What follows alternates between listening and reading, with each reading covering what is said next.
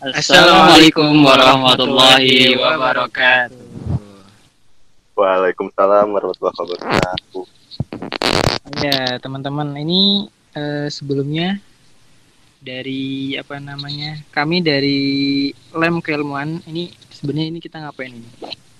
Ya kita ngapain ya Mas ya? Ngobrol-ngobrol ya Mas ya. Kita di sini dari bidang keilmuan Lem FTWI uh, bakal sedikit ngobrol-ngobrol dan juga sharing dan juga kita di sini juga sudah mendatangkan narasumber yaitu oh ya perkenalan dulu dong Mas kita ya. Oh iya, Boleh kita ya? perkenalan dulu. Ya, nama saya Andika.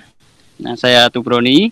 Ya, di sini kami wakil dari Keilmuan FTI di mana kita ada program kerja terkait podcast keilmuan di mana di dalamnya terdapat banyak-banyak berita terkait keilmuan apa aja yang ada di FTI. Keren banget. Ya. Mungkin eh, karena tadi saya juga sudah bilang kami mengundang salah satu narasumber yang insya Allah terpercaya dan juga sangat hebat. Di sini boleh memperkenalkan Mas, monggo Mas. Oke, baik. Eh, Bismillahirrahmanirrahim. Perkenalkan nama saya David Arohman, eh, alumni Teknik Industri UII 2015. Dan ya, alhamdulillah kemarin punya pengalaman ini temanya udah bisa dikasih tahu belum? Oh iya, boleh Mas. Boleh Mas. Ini PKM ya. oh iya terkait. Nah. Nah ya untuk nah tadi kita udah ini sedikit perkenalan dari narasumber ini. Nah tentunya temanya sendiri di sini terkait tentang PKM. Nah jadi Mas David ini udah banyak pengalaman, udah banyak eh, dapat meraih juara juga di PKM. Jadi kita undang sebagai narasumber. Ya, betul banget nih Mas David. Mungkin eh, sebelumnya ya Mas David ya. eh, Ya. Bagi orang awam, apalagi saya, saya sebagai orang awam nih, sebenarnya boleh eh, tahu nggak sih Mas PKM itu sebenarnya apa sih Mas? Eh, sebenarnya kalau PKM itu ya bisa dibilang lomba, tapi ini lebih ke apa ya? Eh, wadah dari Kemenristek Dikti untuk memfasilitasi mahasiswa-mahasiswa itu buat beride, berkreasi, berinovasi gitu. Jadi ya kompetisi juga, ini kompetisi, tapi difasilitasi, difasilitasi oleh Kemenristek Dikti. Nah, kenapa sih Kemenristek Dikti itu mau memfasilitasi mahasiswa-mahasiswa, mau mendanai mahasiswa untuk eh, berinovasi? Soalnya itu untuk eh, kemajuan Indonesia juga, bisa untuk meningkatkan sumber daya manusianya, bisa untuk paten, banyak keperluan untuk Indonesia yang bisa membuka lapangan kerja untuk jangka panjangnya. Tapi untuk jangka pendeknya, eh, mahasiswa itu dituntut buat berkreasi, buat berinovasi, dan eh, keunggulannya untuk universitas atau untuk kampus itu sebagai indikator utama atau nomor satu untuk rankingan perguruan tinggi menurut Kemenristek Dikti kayak gitu. Oh gitu ya Mas. Jadi kita apa namanya itu benar-benar didanai dan apa namanya dikasih oleh Kemenristek Dikti gitu ya tanpa kita mengeluarkan biaya Ya, betul. sedikit pun gitu ya.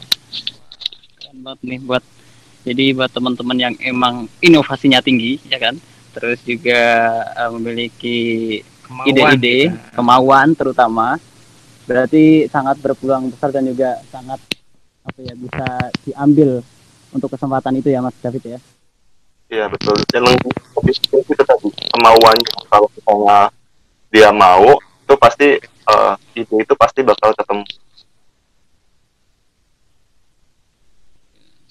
Oh iya benar banget Mas. Eh ini apa namanya? Nah untuk PKM sendiri itu ada PKM apa aja sih Mas? Itu kan ada beberapa PKM tuh. Oh ya. Untuk PKM sendiri itu ada PKM 5 bidang, ada PKM eh, gagasan tertulis, ada PKM GF GFK kalau nggak salah yang baru. Nah, lima bidang ini eh, mencakup ke PKM teknologi atau PKMT. Terus ada PKMK itu kewirausahaan, ada PKMM pengabdian masyarakat, ada PKMP penelitian dan udah berapa tadi itu? ada ada satu lagi itu PKM Iya. Karsa Cipta oh ya ya lumayan banyak Oh. juga ya Iya, itu beda-beda untuk apa konsep kerjanya segala macam dari satu PKM ke PKM yang lain itu beda-beda. Jadi kita harus Oh. tahu kita tuh tertariknya di bidang yang yang mana sih pengabdian masyarakat kah atau tentang tek- teknologi kah. Jadi kita bisa milih, bisa masuk ke salah satunya.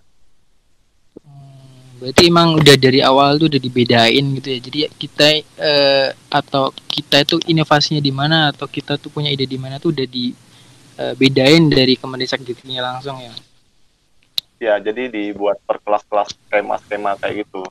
Nah, mungkin eh, ada beberapa kesalahan. Biasanya orang salah, dia tuh punya ide kayak gini, tapi masuknya ke PKM. Eh, misalnya, sebenarnya idenya untuk PKM pengabdian masyarakat, tapi dia masukinnya ke PKM teknologi. Soalnya itu mirip-mirip. Jadi PKM teknologi itu untuk eh, mengembangkan suatu usaha atau mengembangkan suatu kelompok yang sudah produktif menjadi lebih produktif. Nah, kalau PKM masyarakat itu mengembangkan suatu kelompok yang yang mana kelompok tersebut belum produktif. Jadi memproduktifkan kelompok yang belum produktif kayak gitu. Jadi ya cukup hampir sama tapi itu beda. Itu salah satu contohnya.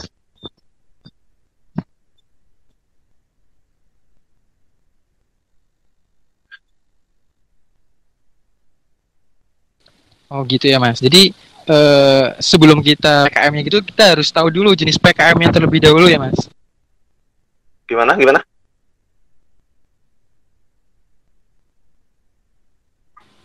jadi sebelum kita apa namanya eh, ikut lombanya kita punya inovasi itu kita harus tahu dulu nih jenis PKM apa yang akan kita ikuti gitu ya mas Iya, mungkin lebih ke ya kalau udah dapat ide, tinggal masukinnya ke mana.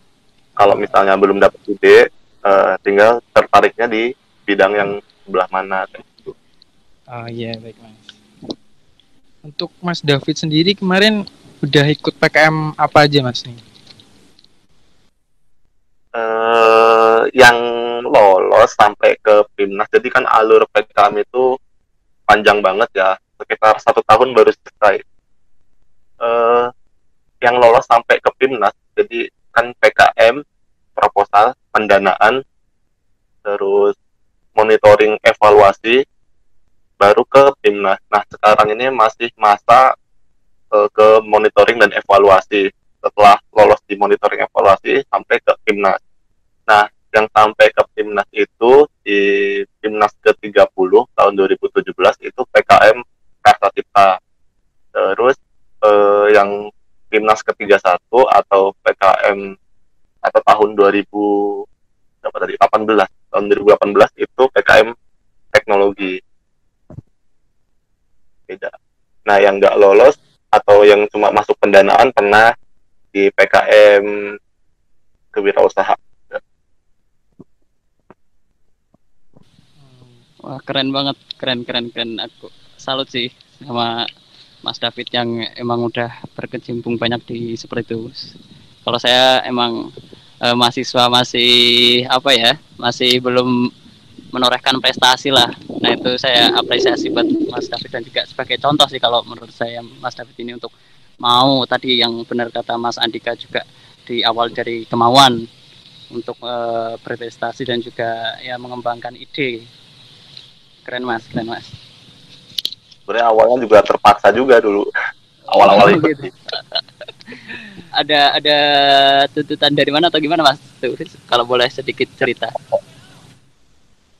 ada tuntutan dari eh, beasiswa. Jadi kebetulan aku kema- apa, mahasiswa dapat beasiswa dan di beasiswa tersebut itu dituntut buat ikut PKM. oh, Awal-awal ya terpaksa juga kan. Iya bagus juga kepaksa tapi dengan apa namanya kepaksa yang bermanfaat gitu ya mas. Iya betul. Kalau udah masuk gimana caranya harus optimal kan, walaupun Iya. terpaksa. Kayak udah terjun ya paling ya harus kita harus selesaikan gitu kan. Oh ya Mas tadi uh, sedikit tentang yang PKMK itu Mas itu sebenarnya apa tadi Mas saya kurang kurang kurang paham untuk penjelasan lebih ininya yang udah sudah ada lalu diproduktivitaskan atau oh. bagaimana Mas tadi Mas? Oh tadi aku ngomongnya PKMK ya? Uh, yang iya Mas. Sama PKMT. PKMK ya tadi ya? Iya iya. Aduh salah sorry. Itu PKMM oh. pengabdian masyarakat. Sorry. Oh, nggih nggih nggih. Ya, jadi PKMM sama PKMT itu hampir sama, cuma targetnya berbeda. Yang masyarakat itu yang uh, belum produktif, yang T itu itu yang uh, sudah produktif dan bisa dikembangkan lagi produktivitasnya. Oh, iya iya siap siap mas. Sorry sorry sorry. Iya, aman mas. Aman, mas. Iya, iya. Nah, dari Mas David sendiri ini ada tips dan trik nggak sih gimana sih biar uh, teman-teman ini uh, masuk atau lolos nih paling nggak masuk ke pendanaan ataupun apalagi sampai masuk ke PIMNAS gitu Mas. Kita kira ada tips and trik dari Mas David sendiri nggak? Uh, tips dan triknya lebih gimana ya? Beda-beda soalnya. Untuk skema PKM tertentu itu beda-beda sama uh, di seleksi misalnya seleksi buat masuk pendanaan itu uh, coba aku jelasin sedikit aja kalau misalnya untuk masuk pendanaan atau sesi proposal itu memang benar-benar uh, harus sesuai dengan format atau administrasi yang di yang ada di panduan. Jadi uh, jarak spasi terus segala macam pokoknya tentang penulisan. Penulisan itu benar-benar harus sesuai semua.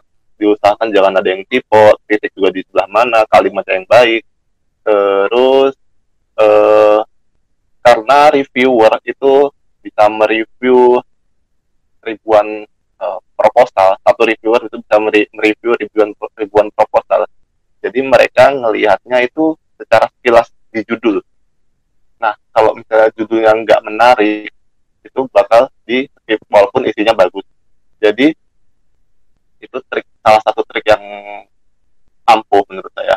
Itu untuk uh, membuat judul itu semenarik mungkin dengan ada bau-bau teknologinya atau mungkin kayak gimana tergantung skema juga jadi membuat judulnya bagus lalu isinya juga bagus nggak ada yang uh, salah atau nggak ada yang melenceng dari di panduan nah buat yang uh, laporan kemajuan atau yang buat masuk ke monitoring evaluasi nih di masa-masa sekarang. Soalnya kan di periode ini monitoring evaluasi itu di bulan Oktober tanggal 1 sampai tanggal 13 kan. Nah, itu lebih ke presentasi. Nah, karena sekarang nih online, susah juga ini. karena belum, belum pernah ada contohnya online itu iya, sistemnya iya. kayak gimana baru baru baru ini pertama kali sih ya mas iya pertama kali jadi ya ada tantangannya tapi ada kesempatannya juga. Soalnya ketika semua orang pada stres aduh ini gimana presentasi online ini gimana biar menarik. Nah kalau misalnya kamu bisa lebih menonjol daripada yang lain itu kamu bakal uh, mudah. Maksudnya wah ini bagus sendiri daripada yang lain. Yang lain monoton yang satu ini ini bagus sendiri. Jadi itu mudah bisa masuk ke timnasnya kalau menurut saya nah eh, mungkin buat online itu lebih ke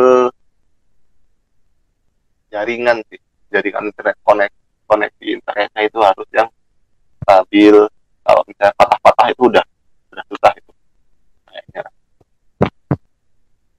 Iya, benar-benar kalau sekarang tuh ya paling koneksi ketika kita presentasi takutnya ada jaringan ngadet atau gimana kan kayak kurang menarik juga jadinya ya mas ya. Iya betul. Sama dilihat ah, di panduan ada proporsi penilaian. Ada penilaian yang gede itu di di membuat video atau naratif. Jadi luaran, jadi ada luaran video, ada luaran laporan kemajuannya dan ada presentasinya. Di laporan kemajuannya itu 20% di uh, video atau video tentang project di PKM itu itu 30% sama di presentasi itu 20%. Jadi kan yang paling bagus, yang paling tinggi itu di video atau naratif review. Yang presentasi sama yang uh, laporan itu 20% sama. Jadi diusahakan videonya bagus, laporan kemajuannya itu bagus, jadi kan tinggal melengkapi 20% di presentasi. Jadi ada taktik kayak gitu. Ini harus bagus, ini harus bagus, ini yang bisa diutamakan bagus banget. Ini ya kalau bagus alhamdulillah, kalau enggak ya masih didukung dengan nilai yang, yang lain. Hmm, baik baik mas. Uh, tadi kan uh, tips and trick yang saya record tuh tadi se berkaitan tentang judul yang menarik gitu ya Mas ya. Terus habis itu ada dilihat juga formatnya harus sesuai dengan aturan yang sudah ditetapkan. Lalu juga untuk yang tips and trick waktu online ini. Nah, Mas kalau misalnya untuk membentuk tim atau pemilihan tim itu ada tips and triknya nggak Mas? Juga mungkin pemilihan dosen dan juga penentuan topik yang emang pas gitu ada tips and triknya juga nggak Mas? Uh, buat pemilihan tim ya, ini uh, beda antara orang yang sudah punya pengalaman penelitian atau pengalaman di menulis kayak gitulah itu sama yang belum uh, menurutku yang belum itu yang belum punya pengalaman sama sekali itu ngikut dulu aja jadi uh, gimana ya ngikut sama orang yang udah punya pengalaman menulis atau pengalaman PKM lah khusus. Jadi kayak gitu mereka ngikut mereka belajar. Oh uh, buat yang sudah punya pengalaman itu saran aja sih. Itu cari yang belum punya pengalaman tapi dia mau uh, bekerja mau belajar mau berkembang. Nah secara aku sih dulu nyari timnya kayak gitu. Jadi cari yang dia itu memang belum berpengalaman tapi punya kemauan. Buat oh, iya. tips harus apa-apa sebenarnya enggak. Cuma harus sesuai dengan jurusan juga. Jadi oh, iya. misalnya eh, PKM-nya tentang apa materi tentang apa misalnya tentang kimia kimiaan ya carilah anak kimia atau anak teknik kimia. Terus dosennya itu lebih ke mana misalnya lebih ke kimia kah lebih ke industri kah kalau lebih ke kimia cari dosen kimia. Harus sesuai dengan bidang studi ya baik baik. Berarti ini saya ada kesempatan ya mas ya. Saya kebetulan nih mas. Ya kali aja ada ada slot nih. Saya kan belum berpengalaman nih mas tapi juga ingin di yang kewirausahaan uh -huh. keren juga tuh. Mungkin kalau ada masnya ada slot gitu kan boleh lah ya kan saya sudah lulus. Oh iya. Bercandaan ya mas bercanda. Ya gitu. Sama aduh apa tadi? Um, ada aturannya juga kalau nggak salah. Satu kelompok minimal berapa orang? Ada yang tiga orang ada yang lima orang. Jadi itu juga perlu diperhatikan baik baik mas berarti kalau saya sih tadi kan karena belum berpengalaman berarti mending cari teman-teman yang mungkin sudah sudah sudah pernah ikut PKM gitu ya mas ya? Tapi itu nggak harus sih. Jadi kalau misalnya nggak dapet pun misalnya nggak dapet uh, kakak kelas atau nggak dapet teman yang udah punya pengalaman uh, submit aja. Jadi buat pengalaman sendiri. Uh, maksud nggak? Jadi uh, ya nggak usah menyerah karena nggak dapet kayak teman yang udah pengalaman teman yang udah jago gitu. Uh, tapi kita harus buat kesempatan kita sendiri belajar sendiri. Banyak juga kok yang belajar sendiri terus uh, lolos sampai timnas gitu. baru pertama kali newbie lah. Ya, ya baik baik mas. Terima kasih atas saran dan juga ini tips and triknya sangat sangat uh, membantu kalau bagi saya sendiri yang emang masih masih awal dan juga belum belum berpengalaman mas. Terima kasih mas. Sama ya terus buat yang lain juga nih yang lain buat teman-teman anak-anak FTI khususnya. Itu jadi nggak nggak harus berpengalaman tapi yang penting punya mempunyai kemauan yang tinggi gitu terkait eh, apa namanya terkait PKM ini gitu. Baik, Mas Andika, saya insya Allah besok ikut ya Mas Andika ya. Iya. Oke, besok kita daftar lah ya. Oh, langsung gas. Langsung daftar Langsung besok. daftar. Semester berapa ya berarti kalian? Ya, semester 7, Mas. Semester tujuh masih ada kesempatan. Oh, iya, Mas. Mas. Besok masih ada. Di luar. Kayaknya besok. Nah, ya, sebelum Iya. lulus juara dulu besok ya. Eh, Ah, iya. jelas. Kita harus juara dulu. Sebelum keluar dari UI ya. Iya. Oh iya nih Mas, eh, ngomong-ngomong terkait PKM nih, Mas kan udah udah apa namanya udah punya pengalaman banyak di PKM, udah sering ikut PKM, mungkin tiap tahunnya atau tiap periode PKM-nya. Nah, benefit dari ikut PKM sendiri nih buat Mas David ini itu ada nggak Mas atau benefit apa sih yang menurut Mas eh, dapetin gitu loh selama ikut PKM ini? Eh, buat benefit ya, aduh. susah nih. Jadi eh, pertama dikenal dosen itu pasti itu aku nggak tahu ya itu benefit atau enggak, tapi itu yang terjadi. Jadi ketika kita apa lolos PKM eh, itu dikenal beberapa dosen dan menurutku pribadi eh, ketika kita udah dikenal dosen-dosen itu bakal eh, insya Allah bakal mudah misalnya untuk eh, kelas di pembelajaran akademik terus bimbingan segala macam. Jadi menurutku aku itu salah satu benefit. Eh, terus skill.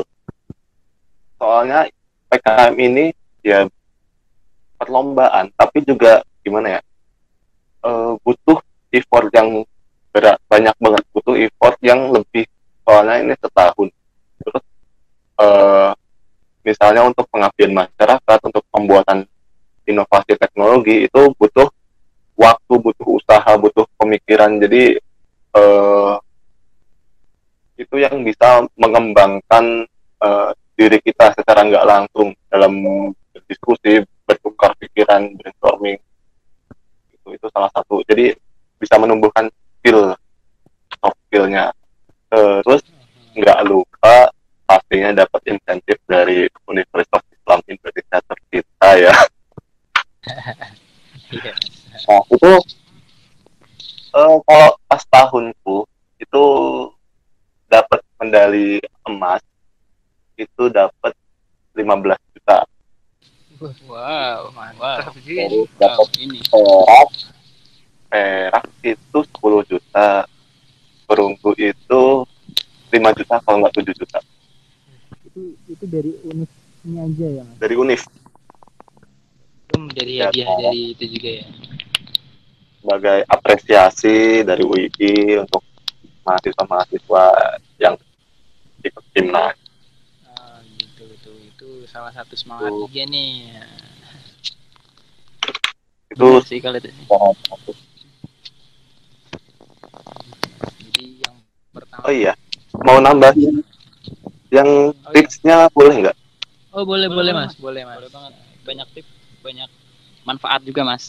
Monggo, Mas. Silahkan lanjutkan, Mas. Eh, ini buat yang anu yang baru masuk mahasiswa awal mahasiswa mahasiswa awal saranku sih eh, kalau kamu di teknik ini cuma pendapat pribadi ya. Kalau misalnya setuju boleh. Nggak nggak boleh. Soalnya ini yang wah aku nyesel kenapa wah kenapa aku nggak kayak gitu gitu loh. Kenapa pas dulu awal aku nggak kayak gitu? Itu pertama eh, coba ikutin PKM Karsa Cipta. Nah PKM Karsa Cipta usahakan bagus mungkin semaksimal mungkin tapi lihat judulnya juga. Judulnya bisa dikembangkan dikembangkan lagi nggak? Produknya itu bisa dikembangkan lagi nggak? Nah usahakan produk yang bisa terus-terusan dikembangkan. Nah yang kedua tahun berikutnya misalnya nih dapat juara ya tahun pertama ikut PKM Oh iya. Nah, terus tahun kedua hasil dari PKM Karsa Cipta itu itu bisa diikutkan PKM lagi contohnya ke PKM teknologi. Jadi produk yang kita hasilkan di Karsa Cipta itu bisa eh, kita mitrakan dengan pelaku usaha misalnya badan usaha. Misalnya dulu bikin kalau aku dulu ya aku kan awal-awal bikin PKMKC juga. Uh, itu bikin botol uh, pemanas air portable. Itu pakai induksi elektromagnetik yang dikocok itu bisa panas sendiri nah itu kita nggak ada kepikiran buat nerusin ke PKM teknologinya atau bisa dimasukin kedua ya PKM teknologi atau PKM kewirausahaan. Tapi oh. kalau aku pribadi sih masuknya ke PKM teknologi dulu. Botol itu bisa dimitrakan misalnya dengan uh, pelaku usaha travel atau pelaku usaha pendakian sewa botol atau sebagainya jadi misalnya ada orang yang mau mendaki nyewa botol itu buat meningkatkan bisnis si penyewa barang-barang barang-barang travel barang-barang naik naik gunung gitu itu kan iya. bisa masuk ke PKM teknologi. Teknologi. Nah, setelah PKM teknologi itu, itu bisa tahun depannya lagi, itu bisa dimasukin ke PKM kewirausahaan. Jadi pas botol itu sudah benar-benar jadi, udah bukan prototipe lagi, udah bisa dipasarkan, itu botol itu bisa dijual-jual. Jadi kewirausahaan. Jadi satu judul itu bisa masuk ke uh, tiga skema cara bertahap kayak gitu buat yang awal tapi kalau itu tuh kan satu judul ya mas itu tuh bisa nggak sih ketika uh, tahun pertama nih masuk KC itu udah juara. Itu bisa nggak dimasukin ke judul buat tahun berikutnya walaupun beda apa namanya kan dari KC ke T gitu bisa nggak mas? Tapi kalau udah juara didaftarin lagi dengan eh, PKM yang berbeda gitu bisa mas? Uh, ya bisa banget sebenarnya. Justru uh, itu menurut aku itu nilai plus. Soalnya uh, di PKMT itu butuh riset yang panjang. Jadi produk di PKMT itu produk yang sudah layak guna. Itu udah bukan prototipe lagi. Jadi intinya udah jadi produk lah udah bisa digunakan. Nah ketika kita udah jadi juara di PKMKC uh, eh, otomatis juri mikirnya wah ini produk bagus. Dulu pernah juara. Uh, terus ternyata diikut sertakan ke PKM teknologi lagi berarti dilakukan riset secara kontinu dilakukan pengembangan produk secara kontinu bisa jadi produk yang udah jadi. Nah itu menurutku itu nilai plusnya. Dan itu bisa banget buat juara di PKM teknologi. Soalnya ada kemarin uh, di tayangan tayangan aku dulu di PKM teknologi itu ada dari mahasiswa UMY dia juara tiga. Juara tiga PKM teknologi yang dulunya dia ikutin ke PKM KC gitu ya. Nah. berarti apa namanya kalau di T itu lebih ke berarti udah harus ada produknya gitu ya mas? Nggak hanya uh, konsep aja. Kalau misal di KC kan itu lebih ke konsep dan itu masih ya masih dalam konsep gambar gitu ya mas iya. Ya kalau misalnya KC itu prototype sih outputnya prototype. Nah eh, tapi keunggulannya itu beda-beda ya. Kalau di KC itu eh, nilai poin paling tingginya itu di tingkat inovasinya inovasi produknya kayak gimana. Nah kalau di T itu bagaimana sih pengaruhnya ke pelaku usaha itu? Bisa ningkatin keuntungan atau bisa kayak gimana efeknya dari yang kita berikan. Nah, di T ini juga itu bukan hanya produk, tapi juga bisa sistem. Jadi sistem misalnya sistem pemasaran, sistem uh, penggunaan metode apa, misalnya metode Kanban, metode uh, menggunakan lean manufaktur atau apa pun itu untuk meningkatkan di uh, produktivitas atau hasil dari pelaku usaha itu.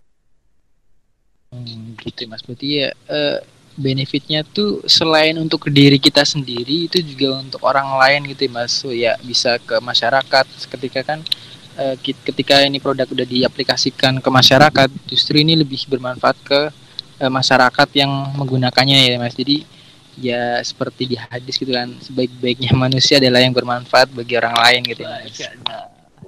Betul, betul. Ustadz Andika ini memang. Masya Allah. Ya gitu ya Mas. Eh, apalagi nih Riza? Eh, jadi ya mungkin seperti itu sih Mas Andika. Tadi kita sudah membahas dari yang pertama nih aku review. Eh, udah tahu tentang PKM itu apa, terus habis itu kita juga tahu tentang bidang di PKM ya tadi yang ada lima itu. Lalu juga pengalaman Mas David yang sudah berkiprah di per PKM-an ini dari udah lama gitu ya, udah dapat juara dan sebagainya.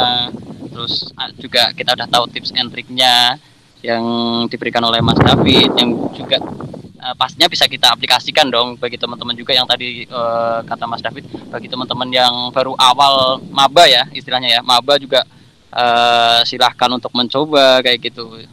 Terus juga benefitnya juga banyak banget. Jadi patut dicoba sih. Terus eh, dari Mas David ada apa namanya pesan gitu nggak buat teman-teman FTI kira-kira terkait PKM ataupun yang lainnya itu ada pesan kayak buat dari Mas David sendiri? Eh, oh ya, mungkin masih bingungnya sih kayaknya masih kurang dari FTI. Kayaknya menurun dari yang dulu di Timnas 30, Timnas 31 itu banyak banget perwakilan dari FTI. Nah, eh, untuk tahun berikutnya 31 eh 32 maksudnya Timnas 32 33 ini mungkin berkurang ya. Nah, itu entah kendalanya apa, entah eh mungkin mungkin dari kemauan. Nah, coba aku aku boleh nanya nggak ke kalian? Iya gimana saya boleh boleh boleh. Ya, tadi kan bilangnya belum belum pernah ikutan PKM ya.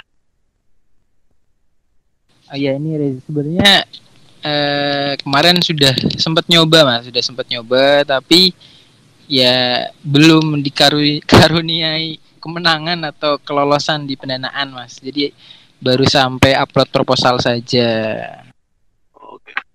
Eh, berarti eh, tadi aku pikir kendalanya adalah eh, mahasiswa itu takut buat mencoba. Itu yang aku pikir tadi. Soalnya dulu aku pernah ngajakin temen lomba gitu. Dia takut dengan dia nggak punya pengalaman, dia nggak kayak minder gitu. Dia minder dengan dirinya, terus eh, takut nggak bisa, takut ini, takut itu. Nah, eh, saranku sih dicoba dulu. Eh, nggak ada yang tahu sebelum kita coba kan. Eh, kalau di Mahfuzat itu jari pola hitakun arifan. Coba dan perhatikan, maka kamu akan tahu. Eh, terus eh, itu PKM itu sebagai sebuah kesempatan, sebuah ajang, sebuah eh, kesempatan yang yang bisa kita gunakan untuk mendevelop skill segala macam banyak banget manfaatnya yang tadi udah aku omongin juga itu cobalah eh, memberanikan diri cobalah ikuti. Dan kalau misalnya pas udah ngikutin itu coba posisikan sebaik mungkin. Kerjakan sebaik mungkin soalnya emang di PKM itu itu butuh ketelitian. Ya dari pengalaman aku dulu itu kita ngeprint ulang ngeprint lagi ngeprint lagi sampai bertumpuk-tumpuk soalnya kan di laptop di review lagi pas di habis di print di review lagi ada yang salah di review lagi ada yang salah. Nah, kayak gitu itu ya sebuah proses. Iya benar benar benar banget mas. Jadi ya sebelum kita meraih kesuksesan atau apa itu kita lihat juga proses-prosesnya juga itu seperti apa. ya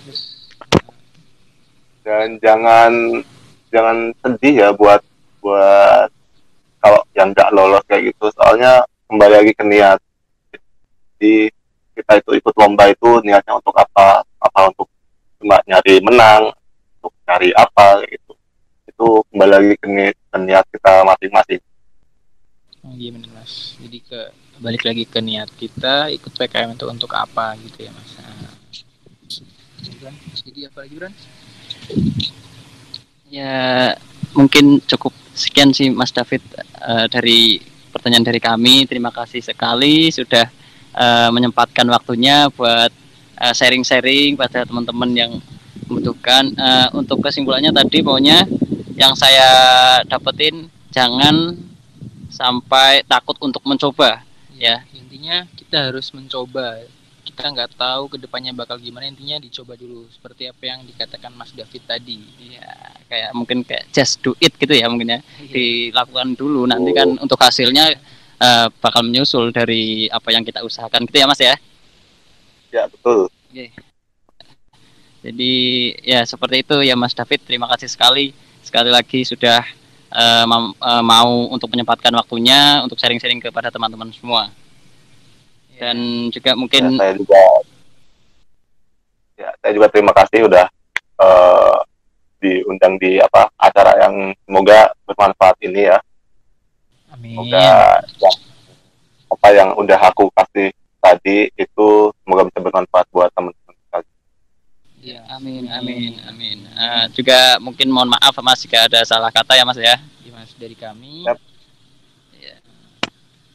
dari kami uh, kita sudahi mungkin ada kata-kata terakhir ini untuk penutupan ya. Podcast keilmuan FTI UII berbobot dan berisi.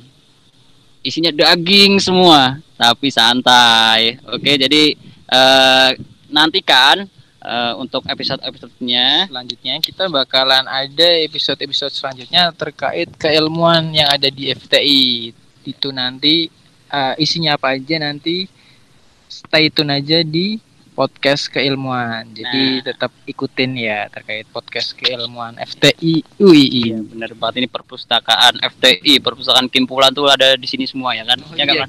Ah, iya dong. Enggak ya. Perpustakaan uh, ya semuanya lah terkait keilmuan walaupun ilmu-ilmu apa?